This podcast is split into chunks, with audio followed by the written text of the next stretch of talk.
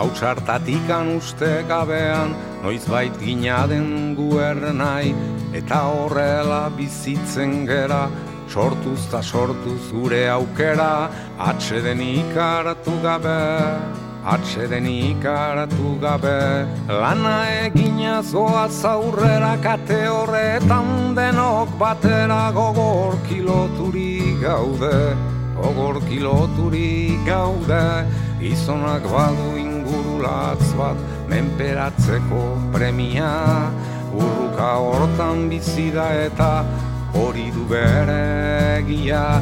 Ekinta ekin bilatzen ditu saiatze hortan. Ezin gelditu jakintza eta argia. Jakintza eta argia. Bide ilunak nekez aurkitu. Lege berriak noiz baiter ditu hortan jokatuz bizia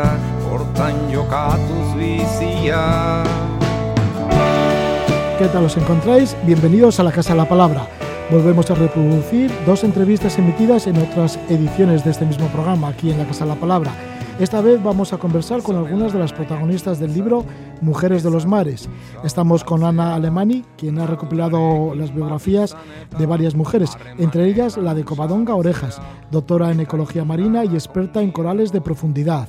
Ha estado en la Antártida haciendo su tesis y también se ha movido con programas de investigación entre Alemania y Cuba. Otra de las semblanzas que aparecen en Mujeres de los Mares es la de Laura Prieto, doctora en Ciencias del Mar, especialista en medusas. Investigó en varias universidades de Estados Unidos, incluso se sumergió en el batiscafo Alvin, llegando a 2.100 metros de profundidad. La escucharemos. Y también nos vamos a pegar una larga caminata, porque vamos a saber de la ruta de peregrinación en el camino de Nindaros Trondheim en Noruega. Esta ruta parte de Oslo y llega hasta la ciudad de Trondheim, en la costa norte de Noruega, en donde se encuentra la tumba del rey Olaf Halsson, defensor del cristianismo en aquellas latitudes. El montañero Pachi Ayastui estuvo caminando durante 22 días con una media de 30 kilómetros por jornada dentro de esta ruta y nos va a relatar cómo fue esta experiencia noruega. Diremos que es una especie de camino de Santiago, pero en Noruega mm, la diferencia es que es más caro y no hay tantos albergues públicos pero mejor que nos lo cuente Pache Yastui. Esto será al final de este programa de la Casa de la Palabra, pero ahora estamos con Ana Limani y su libro Mujeres de los Mares.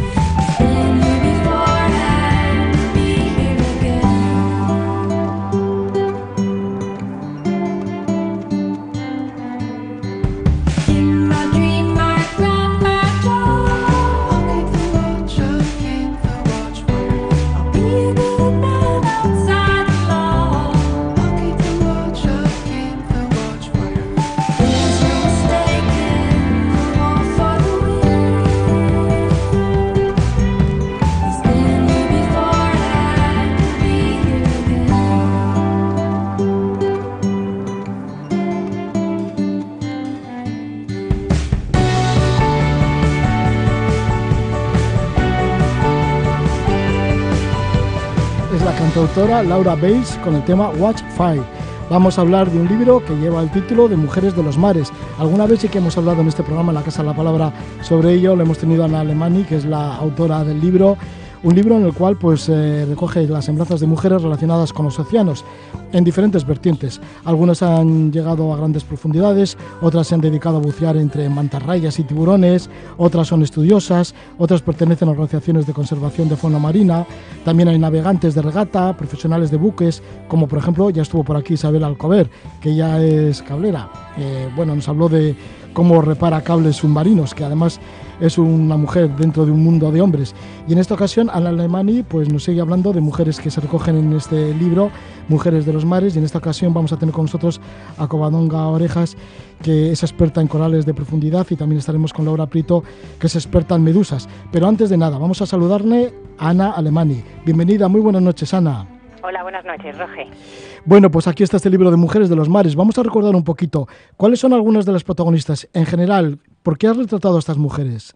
¿Por qué haces hincapié de las mujeres en los océanos? Bueno, pues porque creo que los océanos y los mares son los grandes desconocidos de nuestro planeta. Hasta se sabe más de la superficie de la Luna que del fondo de los océanos, porque tan solo se ha explorado el 10% de los mares, y eso que, que copa el 70% de la superficie de nuestro planeta. Pero no, no solo sabemos un, un escaso 10%, y eso que es fuente de vida, de oxígeno, de alimento y de todo. Y además lo quise mostrar eh, desde un punto de vista femenino, porque como tú bien dices, todas las protagonistas son mujeres, mujeres que están relacionadas con los mares y que han hecho de ellos su razón de vivir. Ana, y este libro, Mujeres de los Mares, igual te llevó el primero, ¿no? El de Todos los caminos llevan a los polos, que también lo editaste. Y ahí encontraste muchas mujeres que estaban relacionadas con el Ártico, con la Antártida, pero también con, con los océanos de alrededor. Claro, eso me hizo, cuando estuve preparando el libro de los polos eh, me di cuenta que es verdad que se sabía muy poquito de los océanos y me llamó la atención y empecé a, indagar y bueno, conseguí un elenco de mujeres que me he dejado unas cuantas en el tintero, pero desde luego todas las que salen son merecedoras de estar en este libro. ¿Cómo diste con Laura Prieto, que es experta en medusas, y Cobadón Garejas, que enseguida estará con nosotros hablando de los corales de profundidad? Pues mira, eh, la historia de, de Laura es, es un poco, bueno, lo pongo además en la introducción del libro, porque contacté con una compañera suya que se llama Gloria Peralta. Eh, y le propuse mi, mi proyecto y entonces ella con una humildad que en estos tiempos que corren pues ya no se da, me dijo que ella tenía una compañera que probablemente encajase mejor porque su trabajo iba a tener más difusión que el suyo y me puse en contacto con, con Laura y sus medusas. Así que llamé a Laura, ella estuvo encantada, pero a Gloria, de Gloria no me olvido porque la tengo aquí en la introducción. Sí, bueno, pues vamos a, saludarle ya a Laura Prieto, experta en medusas, trabaja en el Instituto de Ciencias Marinas de Andalucía, que pertenece al Consejo Superior de Investigaciones Científicas, al CSIC. Laura, bienvenida, muy buenas noches. Hola, buenas noches, Roge, ¿qué tal? Sí, que eres de Pontevedra, pero vives justamente en, en Andalucía. Sí, sí, me, de una punta a la otra. Sí, sí. Y en el caso de Covadonga, Ana, ¿cómo dices con ella? Pues di porque salía en una página del Instituto Oceanográfico Español que se llamaba Oceánicas, y digo se llamaba porque se ha, se ha suspendido la emisión durante un tiempo, pero ahí era precioso porque hablaba de muchísimas mujeres relacionadas con el mar y una de ellas fue Cova, hablaba de sus de sus bosques animales, como le llama ella, de sus corales de profundidad y me puse en contacto con ella. Pues sí, también tenemos con nosotros a Covadonga Orejas, que ella es ecóloga marina, trabaja en el Instituto Español de Oceanografía en Palma de Mallorca. Antes estuvo en el Instituto de Ciencias del Mar de Barcelona y antes, pues hace como alrededor de nueve años o más, pues estuvo en Alemania, que además tuvo una relación bastante curiosa entre Alemania y un proyecto en Cuba. Le damos la bienvenida a Covadonga Orejas. Muy buenas noches, Covadonga. Buenas noches, Jorge. Bueno, pues igual empezamos contigo para que nos hables un poco de los corales de profundidad, porque cuando hablamos de corales de profundidad, como se parecen tanto a las plantas, pensamos que son plantas, pero son animales. Pues exactamente, sí. La verdad es que mucha gente todavía cuando los ve, claro, están quietecitos, ¿no? Están ahí anclados en el fondo y tienen además ese aspecto de arbolito, ¿no? Están ramificados y, sí, hay mucha gente que piensa, incluidos eh, biólogos, ¿no? Piensan que una cosa así que no se mueve no puede ser un animal. Pero cuando uno los mira despacito, ¿no? Sobre todo los corales que tienen esas boquitas, ¿no? Que es lo que nosotros llamamos pólipos, pues ellos sí que, aunque no se pueden desplazar, sí que se mueven y además si no se movieran se morirían de hambre, porque eso es lo que les permite capturar su alimento y es que viven bueno, parece que viven anclados en los fondos y sin embargo pueden recorrer distancias muy largas y colonizar nuevas zonas. Claro, porque justamente la, una de las cosas así más interesantes para mí de, de este mundo de los animales que viven anclados al fondo y a veces a fondos muy profundos es que tienen una vida un poco doble, ¿no? Tienen como dos, dos formas de vida. Una es la de los adultos, que son pues estos árboles eh, que vemos, y otra es las de sus fases larvarias, o sea, lo que les permite son sus, sus productos, digamos, de reproducción, sus propágulos, y estos son eh, transportados a través de las corrientes, a veces a distancias muy grandes, dependiendo también del tiempo que estas larvas puedan vivir. Entonces, al final, siempre tenemos esta comparación con los bosques terrestres y estos bosques animales sumergidos. Los bosques terrestres tienen sus semillas que las transporta el viento, nuestros corales tienen sus larvas que las transportan las corrientes oceánicas. ¿Qué papel cumplen dentro del ecosistema marino los corales de profundidad? Pues cumplen muchísimos papeles y vuelvo a, a recurrir mucho a esta a esta metáfora que creo que es también de las cosas que a Ana le, llamó la atención del blog que yo tenía en Oceánicas y es que si uno piensa en un árbol, todo ese enramado que tienen las, los troncos, las ramas, las hojas, todo eso ofrece muchos nichos, muchos lugares diferentes para, de vida para muchas especies. Eh, sirve de refugio, sirve de zona de cría, sirve de zona de descanso. Si nos volvemos a las profundidades oceánicas y miramos estos corales con sus ramas, pues cumplen exactamente esta misma función y a veces con cosas tan que no son tan familiares, pues como pensar en una merluza, pues las larvas, las crías pequeñitas de las merluzas muchas veces encuentran en estos entramados de corales una zona de refugio donde se pueden proteger de los predadores, así que como ves, pues cumplen un papel muy importante en, en el ciclo de la vida. Coba, y has estudiado los corales de profundidad tanto en las zonas muy frías, en las zonas polares, como también en el Caribe. ¿Cómo ha sido ese contraste de esos estudios, de esas investigaciones? Eh, sí, pues, eh, pues muy interesante, porque precisamente una de las cosas eh, mágicas de estos organismos que llevan tantos millones de años sobre la Tierra es que andan por todos lados, ¿no? Bueno, andan en sentido figurado, están distribuidos por todos lados. Entonces, pues tanto trabajé con ellos en la Antártida, que es donde tuve la suerte de hacer mi tesis doctoral, como bueno en el caso de las zonas tropicales la verdad es que trabajé en zonas poco profundas pero también en las zonas profundas tropicales hay corales de profundidad y bueno el contraste está en justamente ver las estrategias adaptativas que tienen todos estos animales en los diferentes sitios no esa lucha por la por la vida y por por crecer y por, por extenderse y por colonizar nuevas zonas allá donde estén. Luego te voy a preguntar un poquito cómo has hecho estas investigaciones en los fondos marinos, si te has sumergido o no, pero le quisiera preguntar a Laura sus investigaciones sobre el tema de las medusas, porque estudiaste, Laura, ciencias del mar, hiciste la tesis doctoral y luego te pasaste una temporada en la Universidad de Columbia, en Nueva York, y cómo diste con el tema de las medusas. Pues el, o sea, si yo tuviese que definirme a mí misma, yo me definiría a través de mi tesis doctoral y mi estancia en Estados Unidos como una oceanógrafa biológica. Y el tema de las medusas surgió porque realmente me había una problemática en el Mar Menor cuando yo regresé de Estados Unidos y entonces necesitaban eh, hacer un modelo de ecosistemas de qué es lo que estaba ocurriendo en el Mar Menor con una especie de medusa. Y el, y no tenían a nadie que lo sea que conociese esa medusa y cómo le afectaba el medio ambiente que es mi punto de vista que yo aporto al mundo de, de estos organismos, el ver a las medusas dentro de su ecosistema y desde el punto de vista de la oceanografía, cómo les afecta a todas las escalas de variabilidad. Y, eh, y entonces me propusieron el reto y dije, pues, ¿por qué no? Si, o sea, si ya he estudiado otros eslabones de la cadena trófica, pues estudiar las medusas el, sería pues empezar a abrir una nueva línea de investigación y, y, y, ver cómo les afecta cada, en cada una de las, porque las medusas, al igual que los organismos que estudia COBA, pertenecen a los nidarios y también tienen ciclos de vida que con distintas fases larvarias y fases adultas y cada una de ellas se ve afectada de distinta manera al, medio ambiente. Y así fue como empecé, el, porque realmente me lo necesitaban a alguien y me lo sugirieron a mí, yo dije que, que vale, que aceptaba el reto.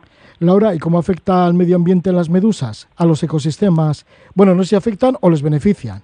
Bueno, las medusas son... Eh, Como siempre nos dan miedo a los, a los nadadores, las medusas, ¿no sabes? Sí, pero es que eso es un punto de vista muy occidental. Eh, primero las medusas, el, comunitarios que son, y como ha dicho Cova, llevan aquí en, en el planeta millones de años, el, son de la época cámbrica y prácticamente no han cambiado y hacen su función dentro del ecosistema. O sea, es un, una parte más del ecosistema, está a niveles tróficos intermedios y, y tiene sus efectos hacia abajo y hacia arriba en la cadena trófica y que existan medusas es bueno. Entonces, en el, por ejemplo, hay zonas en el planeta, en, más en, en Asia, que, su, que la visión es positiva, la gente paga para bucear entre medusas. Aquí nosotros vemos las medusas y siempre las vemos como algo negativo, cuando realmente eh, nosotros tenemos medusas que no pican, por ejemplo la, la que es eh, tuberculata, que parece un huevo frito, que tiene también en simbiosis un alga, y esa hace un, un papel bueno en el ecosistema porque ayuda a que el agua esté más clara, no te pica, es muy bonita, etcétera. Luego ya se ha visto, está estudiando todos los productos naturales que puedes obtener de, de las medusas, que aparte son eh, muy beneficiosas desde el punto de vista alimenticio, incluso para el hombre, con, con lo cual yo el, ahí siempre que me preguntan, digo, no son, nosotros siempre las vemos como las, las malas de la película, pero no creo que sean tan malas. ver si te pican, me imagino que mucha gracia no te hace, pero yo tengo la suerte que nunca me ha picado ninguna, con lo cual... Fíjate, trabajas con ellas. Aunque trabajo con ellas y las tengo vivas en el laboratorio. ¿eh? Pero sí, no... sí, sí. Bueno, en el libro Mujeres de los Mares, en el capítulo que está dedicado a tu trabajo con las medusas, Laura, haces una serie de recomendaciones ante una pecadura de medusa. ¿Nos puedes decir alguna de ellas? Sí, bueno, el, es que esto, el, a raíz de que en el 2018 hubo muchas carabelas portuguesas, entonces hubo mucha pseudociencia en los medios de comunicación, que es el problema que hay ahora, que hay tantas redes sociales que cualquier persona puede dar su opinión y entonces el, nos vimos obligados, como yo colaboro con varios eh, gobiernos regionales, a crear como un manual para la, gente que estaba en gestión. Qué hacer si te encuentras con una carabela portuguesa, qué hacer si te la encontrabas en el agua, qué hacer si te la encontrabas en, ya en la arena y cómo actuar ante la gente, ante los bañistas o los navegantes, etcétera. Y entonces ahí es donde el, están esas recomendaciones de, el, de que, claro, nosotros los científicos lo sabemos, pero no, no tiene por qué saber ni el que gestiona la playa, ni el socorrista, ni el bañista, que es, por ejemplo, los nidocistos, que son las células urticantes, se activan con el contacto, por, con lo cual nunca debes de, de frotar la, la, ¿sabes dónde te ha picado? Nunca debes de echar agua dulce porque también se activan con el cambio de salinidad. El, nunca debes de aplicar frío directamente poniendo hielo, sino poniendo hielo dentro de una bolsa de plástico para que no cambie, porque el hielo, claro, al, derretirse cambia la salinidad. Y básicamente son esas cosas. y, perdona, ¿y es bueno echar vinagre o incluso no, no, no, eso el, es ni, ni orina ni nada de eso. Lo mejor es agua de mar. Ah o si una solución salina. Sí. Bueno, pues ahí están algunas recomendaciones, ¿no? De Laura. Y luego, ¿por qué, por ejemplo, en el Cantábrico, cuando el agua está caliente, aparecen más medusas? ¿Qué relación tiene eso? Vale. El, todo tiene que ver, el, primero, eh, si me hablas del Cantábrico, el, el, y yo primero te preguntaría, ¿de qué medusas me estás hablando? Porque estás hablando también de, la carabela portuguesa. Sí, que también aparece. Claro. Entonces, la carabela portuguesa está relacionado, el, o sea, su hábitat natural es el, el centro del, del Océano Atlántico, en nuestro caso. Tanto si es en el Cantábrico como si es el Golfo de Cádiz, como si son las que entran en el Mediterráneo el, entonces que se acerquen más a, a, nuestras costas tienen que darse unas condiciones eh, nosotros le llamamos porque son de escala de cuenca de todo el Atlántico que se acerquen más las, la corriente general del Atlántico Norte se acerquen más hacia nuestra zona de, de Europa. Entonces las esta, estos organismos que tienen un que son como son coloniales y el, y el de arriba es el que flota, es el que tiene la forma de, del barco, la carabela portuguesa, se mueve con los vientos superficiales y con las corrientes superficiales. Entonces, una vez que ya en la, la corriente general del Atlántico Norte está eh, más pegada hacia nuestro lado, el, ya cambia la escala de variabilidad, ya es una escala de variabilidad de meteorológica, es decir, de vientos y corrientes superficiales, que hacen que se eh, pongan encima de lo que es la plataforma continental donde la profundidad del océano es menor de 200 metros. Y entonces ya la probabilidad de que te llegue a tu playa es mucho mayor.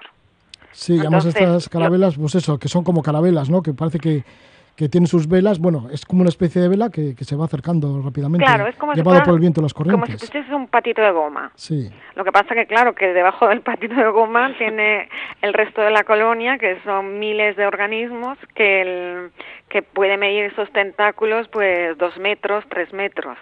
Entonces, el, ese es el problema, que tú puedes ver el flotador lejos, pero la corriente que está por debajo puede estar acercándolo hacia ti. Ya. Bueno, pues ahí están esas, medusas, ¿no? Y luego, Coba, eh, ¿te, has, ¿te, has, sumergido también para ver los corales de profundidad?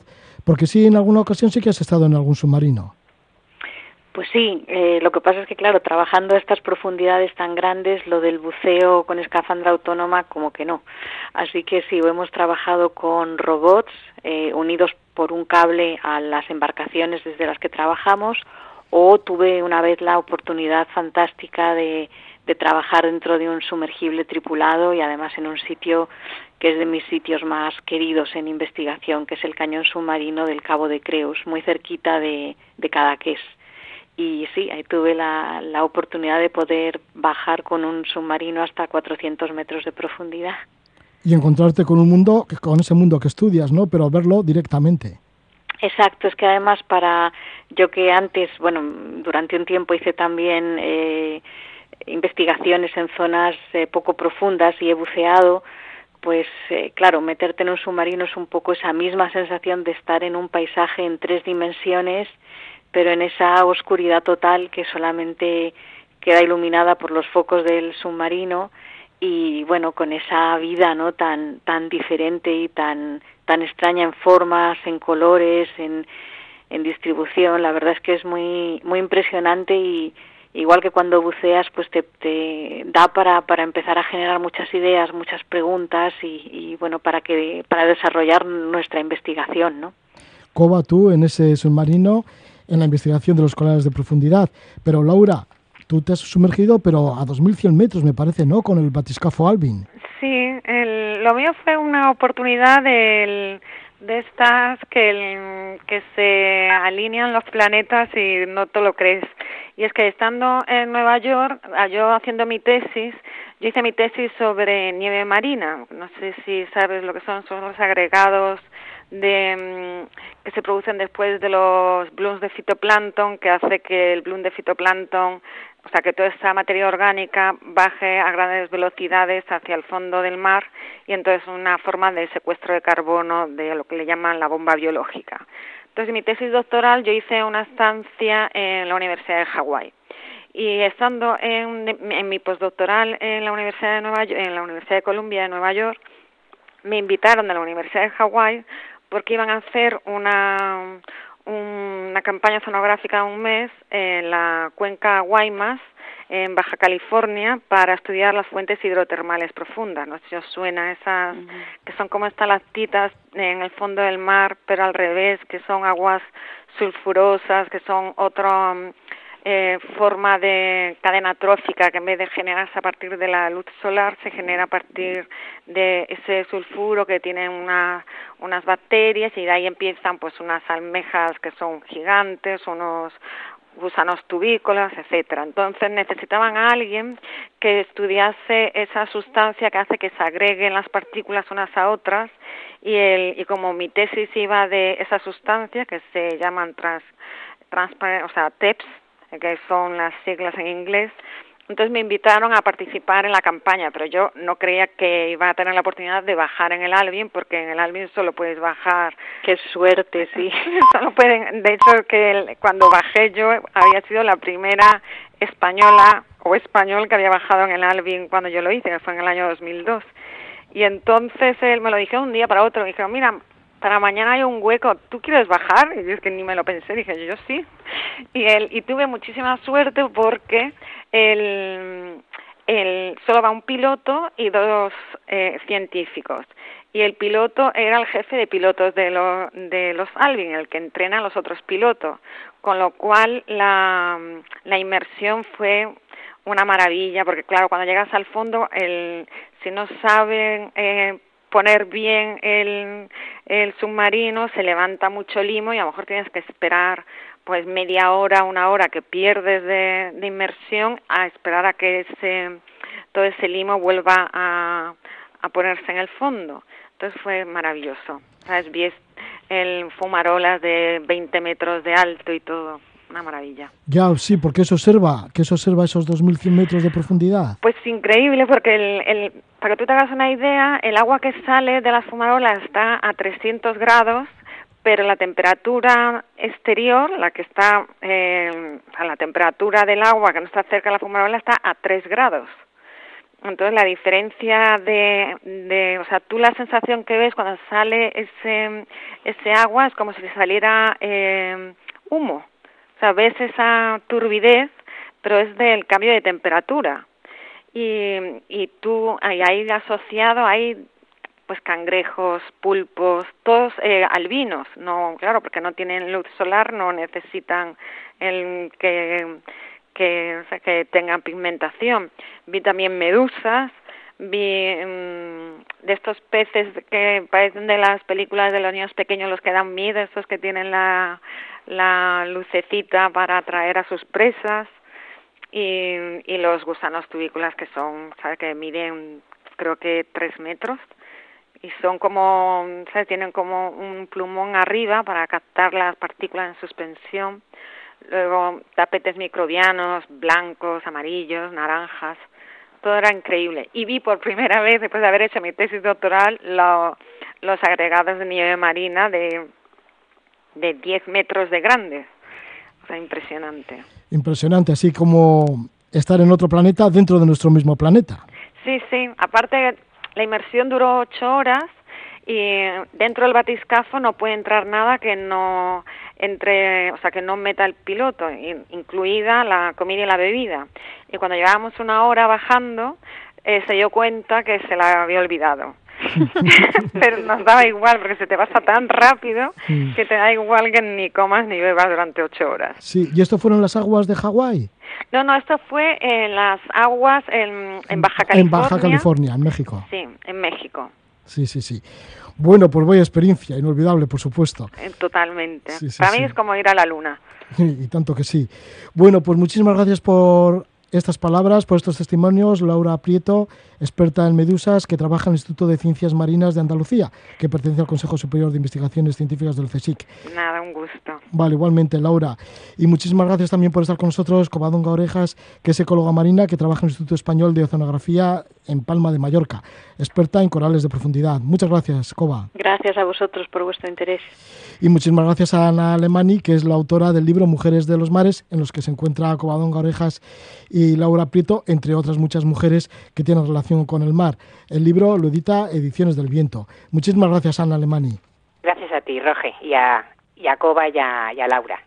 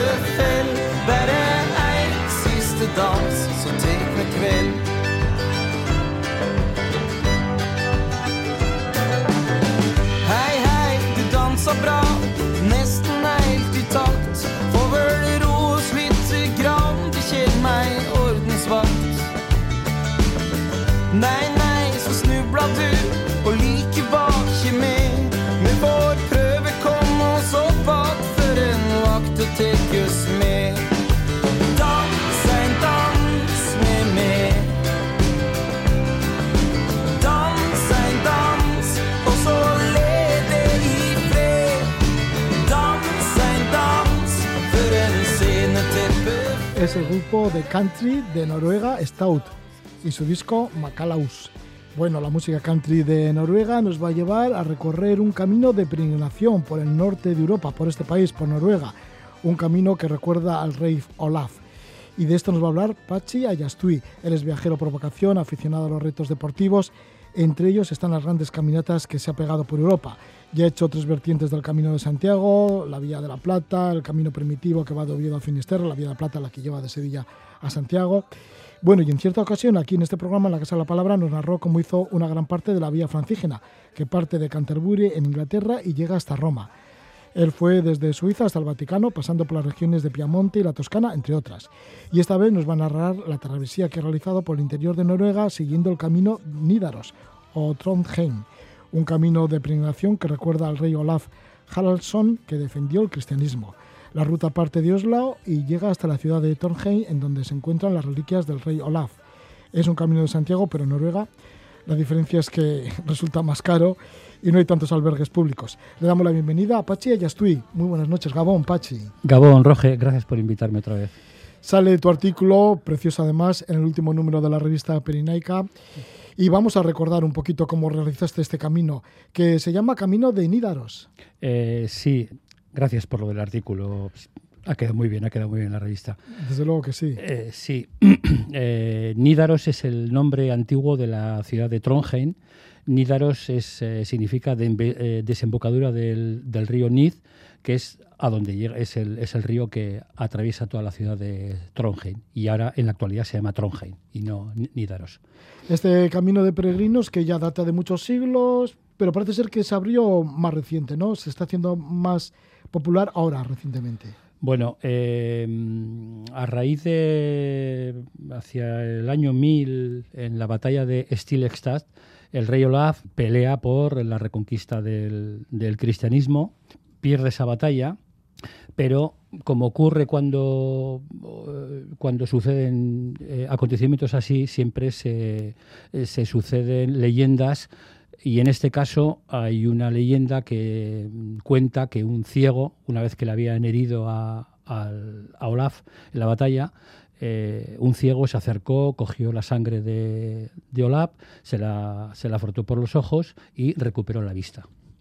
Esto hizo que, bueno, que se hiciera una, un camino de peregrinación que estuvo durante muchos años, pero al, al vencer el, el, el, protestantismo, el luterano, eh, fue marginado el, el, cristianismo. Ahora mismo Noruega tiene un 75% de población luterana. Y bueno, y en el año 1997 se recuperó, se recuperó la, la, el camino de, de peregrinación se ha reabierto este camino de peregrinación, pero sin embargo no te has encontrado con muchos peregrinos. No, mira, es un camino que con lo que gastas en un camino de Santiago en, en España, en Noruega durarías una semana, una semana en el mejor de los casos. Tienes que estar, pues por darte una cifra aproximada, ¿eh? Eh, son 20, 22 días de caminata, son 643 kilómetros y tienes que estar dispuesto a gastarte solamente en alojamiento unos 1.000 euros al, al cambio, más o menos. Sí, y además los albergues no deben ser públicos, como suele suceder, o municipales, como suele suceder también en el Camino Santiago, algunos de ellos. Hay muy poca, hay muy poca iniciativa pública, salvo, salvo en Hamar, que es un, es un albergue público. El resto tienes que depender de, de, granjas que han montado su propio albergue privado, heaters, que son cabañas en campings, cosas así, de ese estilo. No hay, no hay algún albergue privado. En Renebu, por ejemplo, hay un matrimonio que además es apicultor, que cultivan miel, y, pero también tiene, es, el albergue es, eh, es privado también. Te encuentras por el camino, al ser por el interior de Noruega, te encuentras con poblaciones, con muchas aldeas, poblaciones, con gente, porque la vía francígena, que lo hiciste por gran parte, bueno, mayormente por, por Italia, sí que tuviste mucha, mucha gente en el camino, pero aquí en Noruega... Eh, aquí en Noruega eh, es muy complicado, muy complicado y además eh, la mayor parte de la población se, se sitúa en los, en los grandes núcleos de Bergen, Stavanger, Oslo, Trondheim, Hamar, Lillehammer y luego hay un montón de casas sueltas a lo largo de todo el camino, pero no ves, no ves, ape- apenas te encuentras con gente, apenas, apenas. Para abastecerte, ¿cómo hacías? Pues es complicado, es complicado. Mm, Yo siempre he oído que eh, esto de la, glo- la globalización, los hipermercados, había traído eh, la desaparición de tiendas pequeñas en 50 kilómetros a la redonda y efectivamente es así. Ahí te encuentras un supermercado cada dos etapas, más o menos puedes acceder a un, a un supermercado. Toda esta cultura que llegó de Estados Unidos, que luego se extendió a Canadá y que se está extendiendo todo- por todo el mundo, Sí, sí, también ha llegado a Noruega, ¿no? Efectivamente, De que no encuentras una tienda de ultramarinos de estas de siempre. No, no, no, para nada, para nada, para nada, para No. nada. Está, los supermercados que te encuentras son los, los eh, típicos de las, de las cadenas que todos conocemos. No hay, no hay tienditas pequeñas, no hay, no, no, no, no, no existe esa cultura, no, no, no se ha comido todo el comercio local como, como está pasando en todos los sitios, se lo ha comido las, las cadenas de supermercados. Ya, y esto quita vida. Y para un caminante que quiera abastecerse en cualquier tienda, pues no puede ser, ¿no? A no ser que vaya a esos grandes espacios y demás.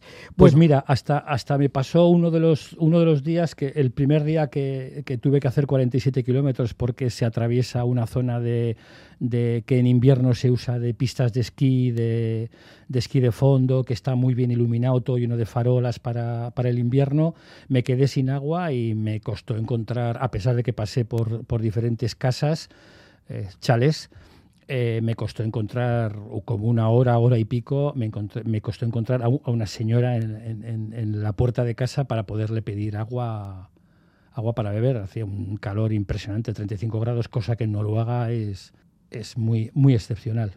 Bueno, fuiste en, en verano y te encontraste con tantos grados, con, con que tenías que beber, pero no encontrabas a nadie hasta que aparecía aquella señora después de una hora y así.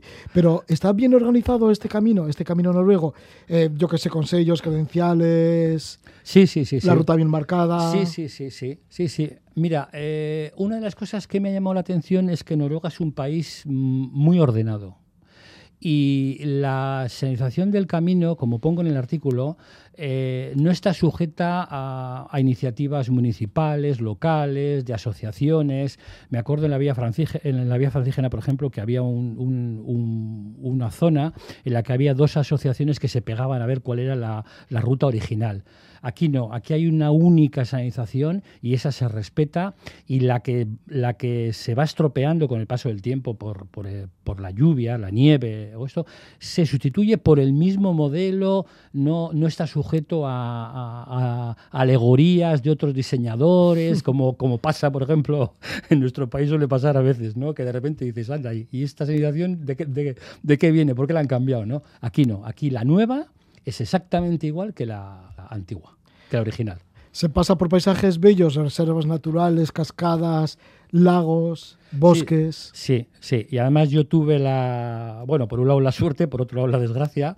Al principio del camino tuve un sol espectacular durante un montón de días, pero luego ya según pasó, según pasó, digamos, 15 de agosto más o menos, y ya entré en la zona, digamos, más montañosa, ya empecé a subir la cota de, de altitud sobre la, sobre la que iba caminando, allá empezó a llover y las cascadas recuperaron el, espectáculo y el esplendor de, un puro invierno. ¿no? Ves, ves paisajes, no son, no son fiordos, porque la ruta mm, se discurre por el interior de, Noruega, alejada de todos los, de todos los fiordos de la costa, pero, pero por el interior hay, hay un recorrido de cascadas, lagos absolutamente espectacular, absolutamente espectacular, muy bien cuidado, muy limpio, muy, muy ecológico todo. Entre las personas que te han recogido, ¿cuáles podíamos destacar? Porque sé que, por ejemplo, en un monasterio te acogieron dos monjas. Sí, sí. Mira, cuando, cuando te enfrentas a un, a un camino así, eh, siempre piensas, eh, "Joder, seguro que pasa alguna cosa eh, pues un poco especial, un poco esto, ¿no? Y me acuerdo que yo en la, en la preparación del, del viaje vi, vi en los alojamientos que había un, un monasterio no un monasterio a la, a la sazón de aquí, o sea, un, un monasterio medieval, sino era un edificio moderno, pero que es un monasterio como, como tal, es una casa con su capilla, bueno, es, una, es un chale grande con su capilla y esto. Bueno, yo mandé un correo, reservé, reservé sitio, no hacía falta porque estaba solo. Y bueno, las dos, las dos monjas, las dos hermanas que están allí, me recibieron absolutamente encantadoras, me invitaron a cenar con ellas y hablan francés porque son de las, de las son de la orden de las religiosas de Rilly. Yo hablo francés, bueno, me, me, defiendo en francés. Y bueno, pues la cena, la cena se, se, discurría como muy, como muy amena, muy esto, contándonos cosas y tal. Eh, y de repente, pues la que era, entre comillas, la abadesa de, de, de, del monasterio, pues se pone seria y me dice que me tiene que decir una cosa. Y digo, pues, ¿qué, qué, pasará? Que... Porque en ningún momento quisieron cobrarme, en ningún momento quisieron cobrarme, en, en, ningún momento nada, ni la cena, no quisieron cobrarme por más que yo insistí, aunque sea un donativo, no, no, no, no, no, no aquí no, aquí no, aquí no. Bueno, el caso es que de repente me dice, me dice bueno, que sepa usted que somos protestantes. y yo casi, casi casi casi me, me, me, eché a reír, ¿no? Le dije, le dije, pues, pues muy bien, pues de acuerdo, pues estupendo, pues ¿qué, qué quiere que diga? Pues bien, pues no, no tengo nada que esto, ¿no? Y bueno, luego empezamos a hablar de trabajo, en que habían trabajado ellas antes, esta, esta señora eh, me contó que había sido maestra de escuela, y la otra hermana, pues eh, Manjil, eh, se quedaba como muy, como muy callada, como muy, muy esto. Seguramente, como, como pongo en el artículo, cometí, cometí un fallo de, de, hacer una pregunta que, que, no había la confianza como para esto. Pero bueno, estás en una cena y, y, le, y le, pregunté, ¿y, ¿y usted dónde ha, ha, dado clases también o esto? ¿no? Y claro, se le cambió la cara y, y bueno, pues me dijo que había estado en África yo entiendo por su cara que no había sido una experiencia como muy, como muy agradable, como muy esto y tal, ¿no? Y entonces, para quitarle lloro al asunto, le, le, dije, le dije, me estaba usted asustando porque pensaba que me iba a hablar de un, de un pasado de una monja contrabandista. ¿no? y entonces, bueno, se, se, empezaron a reír las dos y bueno, ya, pues bueno, pues se, se generó un clima ya más, más, no sé, más, más agradable, más, más esto, ¿no? Se portaron extraordinariamente conmigo.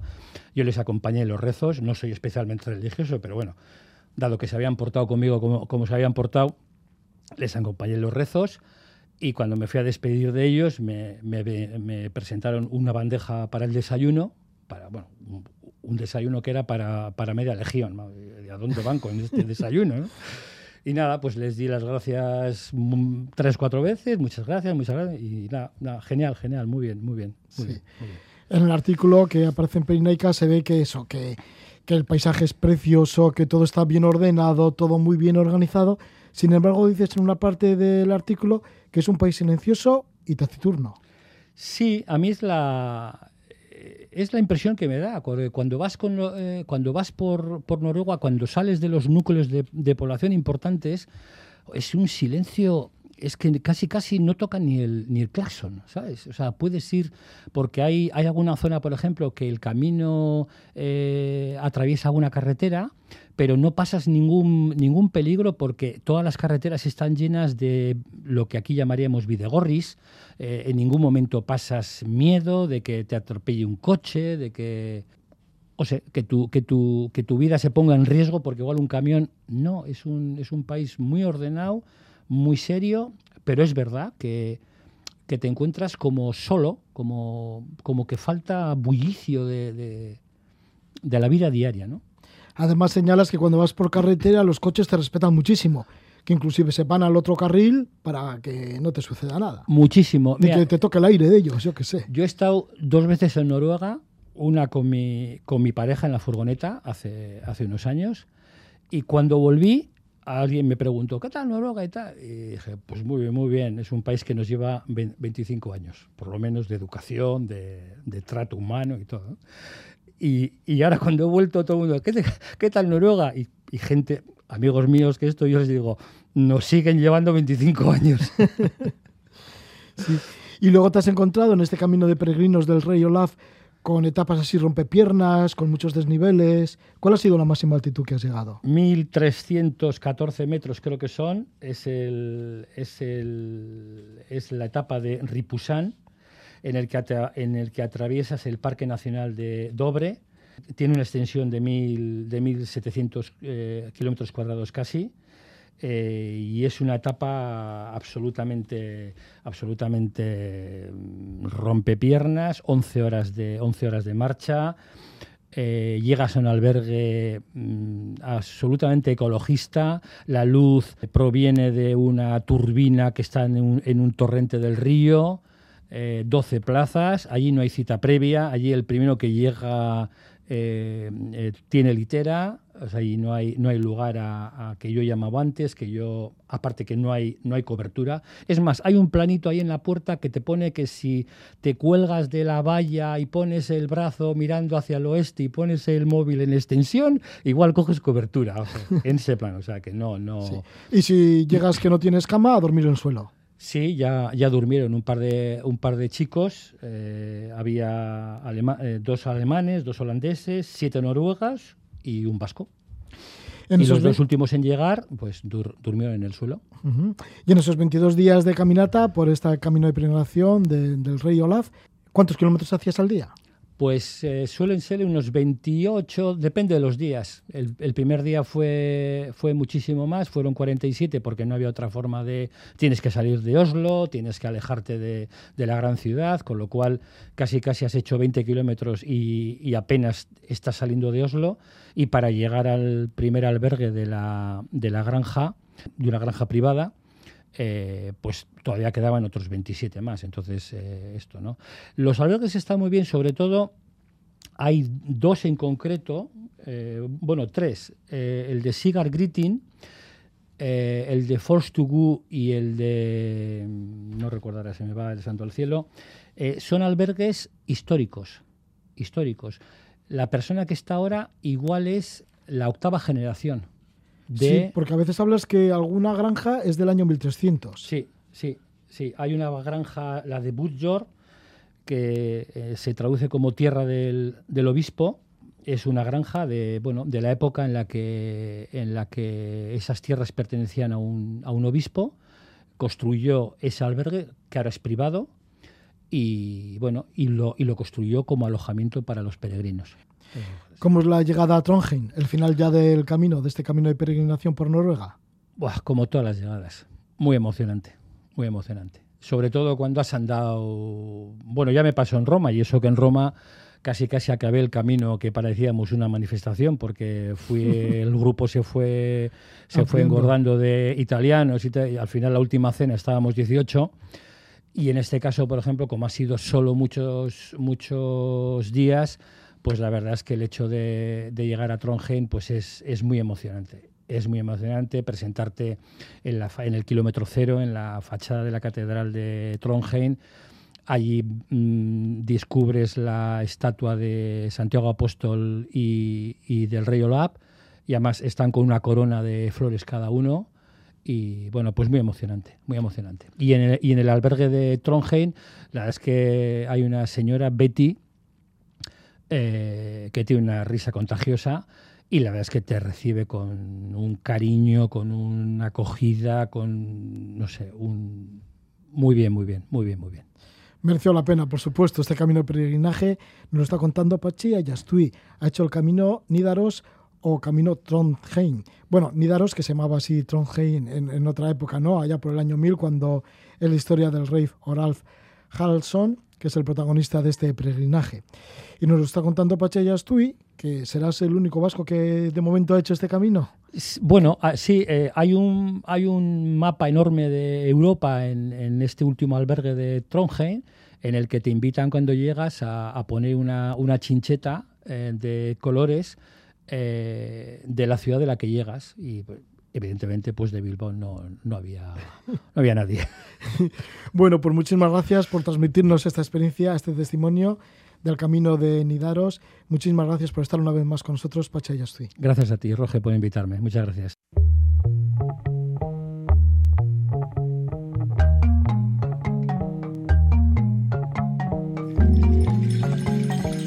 Hemos escuchado a Pache Yastui, que es un aficionado a los retos deportivos. Entre ellos está las grandes caminatas que se ha pegado por Europa. En este caso, esta que nos ha nombrado por Noruega. Una entrevista que la realizamos por primera vez, se emitió por primera vez el 19 de febrero de 2020 aquí en la Casa de la Palabra.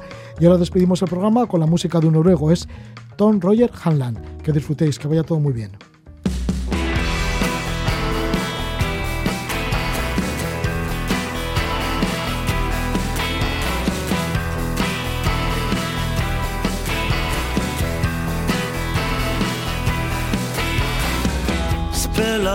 Ingen rolle om jeg blir heida eller må sone.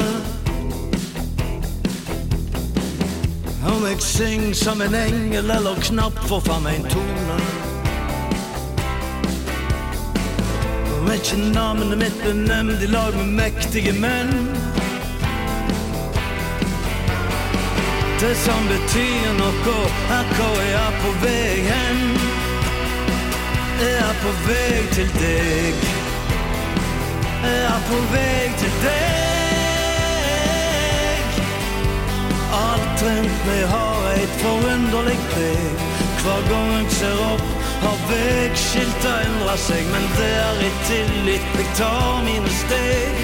Jeg er på vei, jeg er på vei til deg.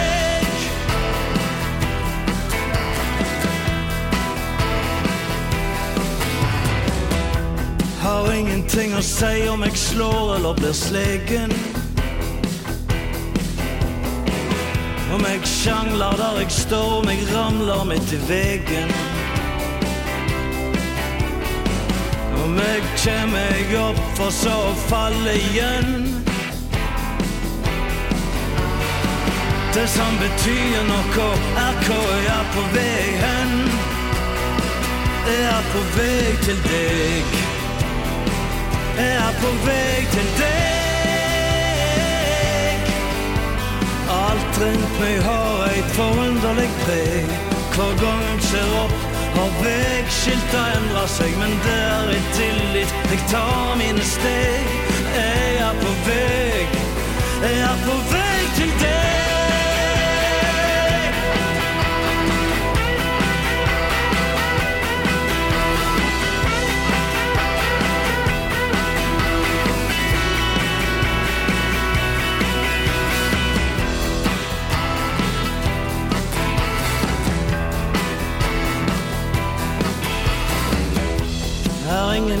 Ingen sto for meg, ble avledet fra stien. Om jeg ennå ei stund er ja deg bare i fantasien. Om ikke du nett nå ser lyset ifra bålet mitt som brenn. Det som betyr noe, er hvor jeg er på vei hen. Jeg er på vei til deg. Jeg er på vei til deg. Alt rundt meg har et forunderlig preg. Hver gang jeg ser opp, har veiskilta endra seg. Men det er et tillit jeg tar mine steg. Jeg er på vei,